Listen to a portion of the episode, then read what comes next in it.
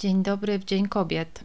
To jest odcinek okolicznościowy, ale temat, o którym będę mówić, nie powinien być poruszany tylko i wyłącznie w Dzień Kobiet.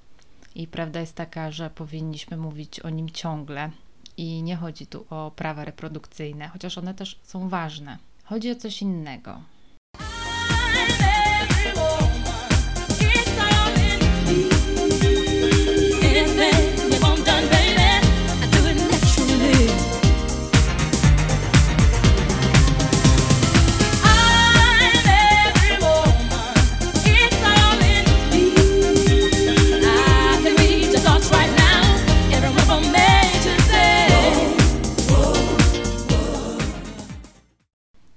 Zastanawiałyście się lub zastanawialiście się kiedykolwiek, dlaczego do damskiej toalety w kinie zawsze jest kolejka?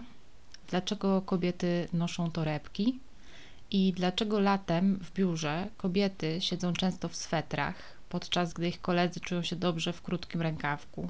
I jasne, możecie odpowiedzieć, że przecież kobiety spędzają w toalecie mnóstwo czasu, bo oprócz wiadomych czynności malują się, plotkują, poprawiają włosy, że przecież mają tyle rzeczy, że muszą je nosić w torebce i że totalnie nie wiadomo, dlaczego im zimno w biurze. Może po prostu w biurach jest za zimno. No więc wcale tak nie jest. I dzisiaj chcę Wam opowiedzieć o świecie zaprojektowanym przez mężczyzn, dla mężczyzn, a w wielu przypadkach nie dla kobiet. I to nie jest tak, że mężczyźni specjalnie pomijali kobiety, przynajmniej nie zawsze. Powód jest inny i właśnie dzisiaj będę o tym opowiadać będę opowiadać o niewidzialnych kobietach. Niewidzialne kobiety to książka, wstrząsająca książka e, brytyjskiej autorki, która nazywa się Caroline Criado Perez i która z morderczą wręcz dokładnością i skrupulatnością tropi dane mówiące o niebraniu kobiet pod uwagę w planowaniu i projektowaniu niemal wszystkich dziedzin naszego życia. I chcę bardzo wyraźnie podkreślić, że to nie są jakieś ogólniki, jakieś takie um, sformułowania po prostu wzięte z sufitu, tylko książka bazuje na liczbach, danych i badaniach. Jest do bólu faktograficzna. No i jakby z tymi faktami po prostu no nie ma się co spierać. Karolin mm, przeanalizowała setki raportów, baz danych, statystyk i obraz, który z tego się wyłania, no jest po prostu porażający. Weźmy na przykład ostatnio temat nawet gdzieś tam omawiany w mediach, czyli odśnieżanie. Zapytacie, co odśnieżanie ma wspólnego z kobietami, no ale okazuje się, że ma. I jak odśnieża się większość miast? Zazwyczaj najpierw odświeża się główne arterie komunikacyjne, tak żeby mogły przejechać samochody. Dopiero potem odśnieża się chodniki. Ale kilka lat temu władze szwedzkiego miasta Karlskoga postanowiły odwrócić e, tę kolejność i najpierw zaczęły odśnieżać chodniki, a potem ulice. I co się stało? Okazało się nagle, że miasto ma gigantyczne oszczędności, które powstały na nieudzielaniu pomocy medycznej połamanym na śliskich chodnikach pieszym. A większość z tych pieszych to, tak by the way, kobiety. I chodzi o to, że kobiety i mężczyźni podróżują po mieście inaczej. Mężczyźni dużo więcej poruszają się samochodami i to zazwyczaj na takiej linii e, dom-praca-dom, a kobiety częściej korzystają z komunikacji miejskiej i przemieszczają się pieszo, a poza tym mają tak zwany łańcuch podróży. To znaczy załatwiają kilka rzeczy po kolei. Odprowadzają dzieci do szkoły, robią zakupy, idą z, starszą osobą do lekarza itd. Tak I liczb i statystyk nie będę tu cytować, bo one są w książce, ale chodzi o to, że wiecie, ktoś pomyślał, samochód da radę przejechać nawet po nieodśnieżonej drodze, ale czy osoba z wózkiem przejdzie przez zaspę na chodniku? No, nie przejdzie. W ogóle planowanie sieci transportowej w mieście to jest fascynujący temat, bo z płcią związanych jest tutaj mnóstwo kwestii, które no, zwykle się pomija. Na przykład lokalizacja przystanków autobusowych. Czy te przystanki są oświetlone? Czy droga do nich jest oświetlona? Czy na przykład przystanek znajduje się przy jakimś ruchliwym barze?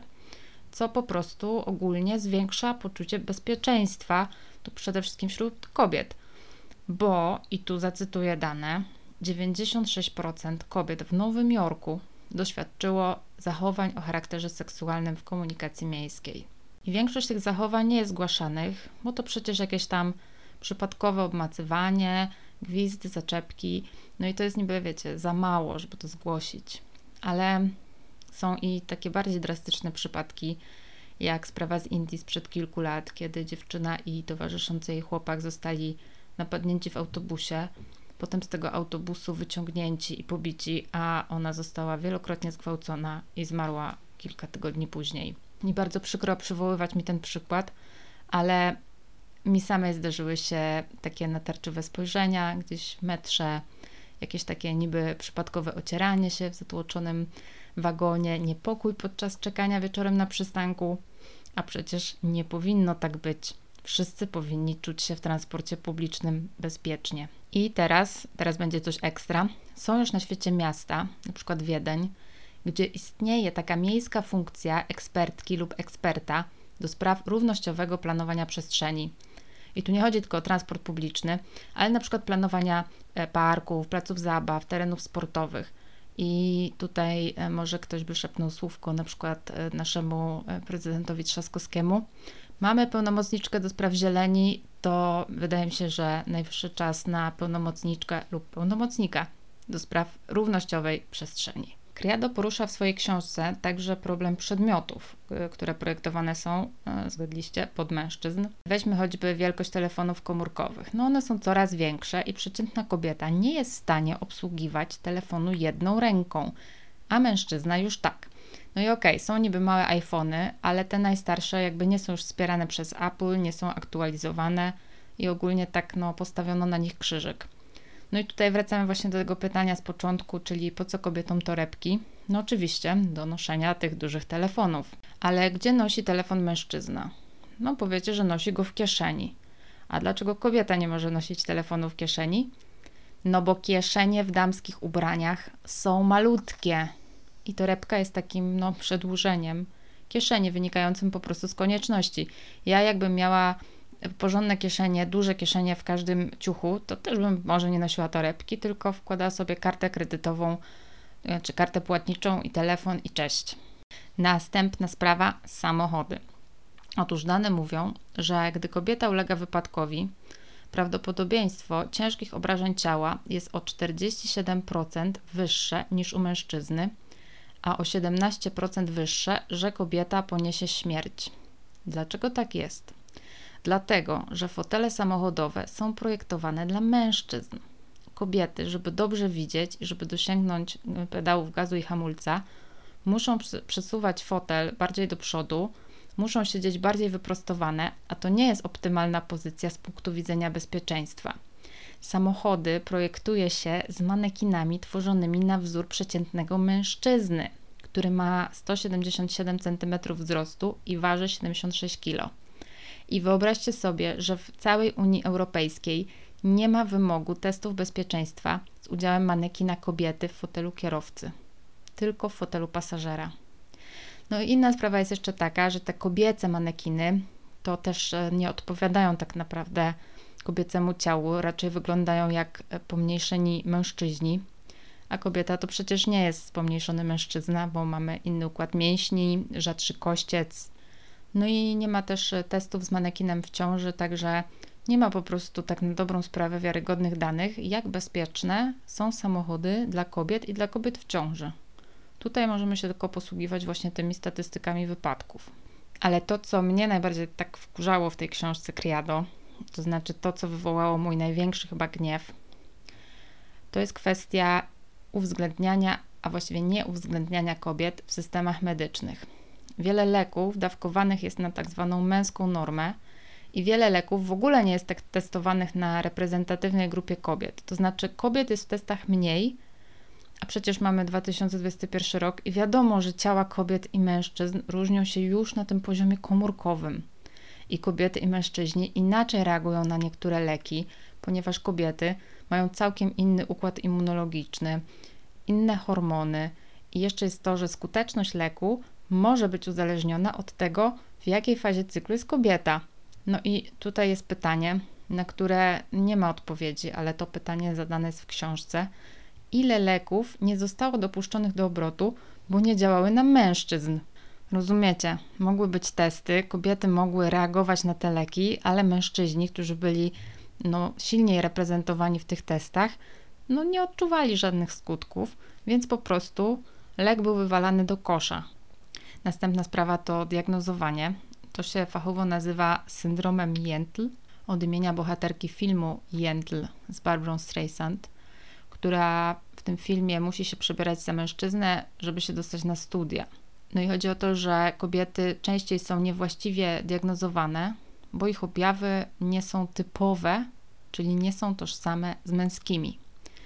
Na przykład, jak pomyślimy, jak wygląda zawał serca, no to mamy w głowie raczej taką hollywoodzką wizję, czyli mężczyzna w średnim wieku z nadwagą chwyta się za serce i przewraca. Ale wyobraźcie sobie, że w Stanach Zjednoczonych to kobiety po zawale umierają częściej, bo ich objawy są atypowe i za późno rozpoznawane. Na przykład może to być ból brzucha, duszności, nudności czy zmęczenie. Kolejnym takim przykładem bardzo późno stawianej diagnozy jest autyzm. I jak dowodzą badania, proces wychowywania dziewczynek, w skrócie sprowadzający się do tego, że dziewczynki mają być grzeczne, ciche, posłuszne i nie narzucające się, sprawia, że dziewczynki uczą się maskować objawy autyzmu dużo skuteczniej niż chłopcy i często są diagnozowane dopiero jako dorosłe kobiety. Był o tym świetny tekst w Wysokich Obcasach kilka miesięcy temu. Też go podlinkuję w opisie, bo to jest naprawdę wstrząsające odkrycie dla wielu dorosłych kobiet. To jest właśnie odpowiedź na pytanie, dlaczego przez całe życie czuły się inne, co z nimi było, wiecie, nie tak. I nagle po prostu rozumieją, że no to jest, że są w spektrum. I tu jest jeszcze jedna dosyć wstrząsająca sprawa dotycząca diagnozowania kobiet bo gdy kobieta skarży się na ból, to lekarze, i to też jest bardzo dokładnie opisane na przykładach w książce, mówią często rzeczy w stylu: Pani sobie to wymyśla, to tylko stres. I ból tłumaczy się emocjami. I przynajmniej w Stanach Zjednoczonych przepisuje się po prostu antydepresanty, zamiast szukać źródła tego bólu. I tu aż się we mnie zagotowało, jak to przeczytałam, bo przecież to jest właśnie ten wzór znany od stuleci, czyli kobieta jest histeryczką, której hormony uderzają do głowy. Ale okej, okay, bez emocji, skupmy się na danych. No więc pytanie: ile przeciętnie trwa zdiagnozowanie endometriozy? To jest taka bardzo bolesna i nieuleczalna póki co choroba, która polega na tym, że komórki endometrium, czyli błony śluzowej macicy, przemieszczają się poza macicę. To wywołuje no, zwykle ogromny ból, ale objawy są mało typowe i po prostu endometrioza jest bardzo późno rozpoznawana. No więc w Wielkiej Brytanii średni czas diagnozy od pierwszych objawów do postawienia diagnozy to jest 8 lat, a w USA 9. Czujecie? 9 lat kogoś boli, komuś choroba utrudnia życie, a nie ma diagnozy. No jest to dla mnie po prostu niewyobrażalne. No i zresztą w ogóle gotowało się we mnie, jak czytałam tę książkę, bo Criado pisze naprawdę o wielu innych szalenie ciekawych obszarach życia, w których kobiety są po prostu niewidzialne. No również o tej niewidzialnej pracy, którą kobiety wykonują w domu i o tych obowiązkach domowych, które są przecież pracą, taką pracą po pracy. No i oczywiście jednym z takich obszarów, gdzie kobiety też są niewidzialne i pomijane i po prostu nie istnieją, jest literatura i historia. I tutaj poruszona jest bardzo ciekawa kwestia, to znaczy to, jakie książki uznajemy za ważne i wartościowe. I w skrócie na przykład jest tak, że jeśli coś dotyczy wojny, no to jest ważne, ale jeśli dotyczy sfery prywatnej, to już mniej istotne. No i dlaczego tak ma być? Dlaczego to, co się działo na przykład w domach Amerykanów w czasie wojny secesyjnej, jest mniej istotne od tego, co się działo na polu bitwy? I w Wielkiej Brytanii na przykład w podręcznikach dla dzieci w wieku 7-11 lat mowa jest tylko o dwóch kobietach i są to władczynie z dynastii Tudorów, a w podręcznikach dla starszych dzieci w wieku 11-14 lat występuje aż pięć kobiet.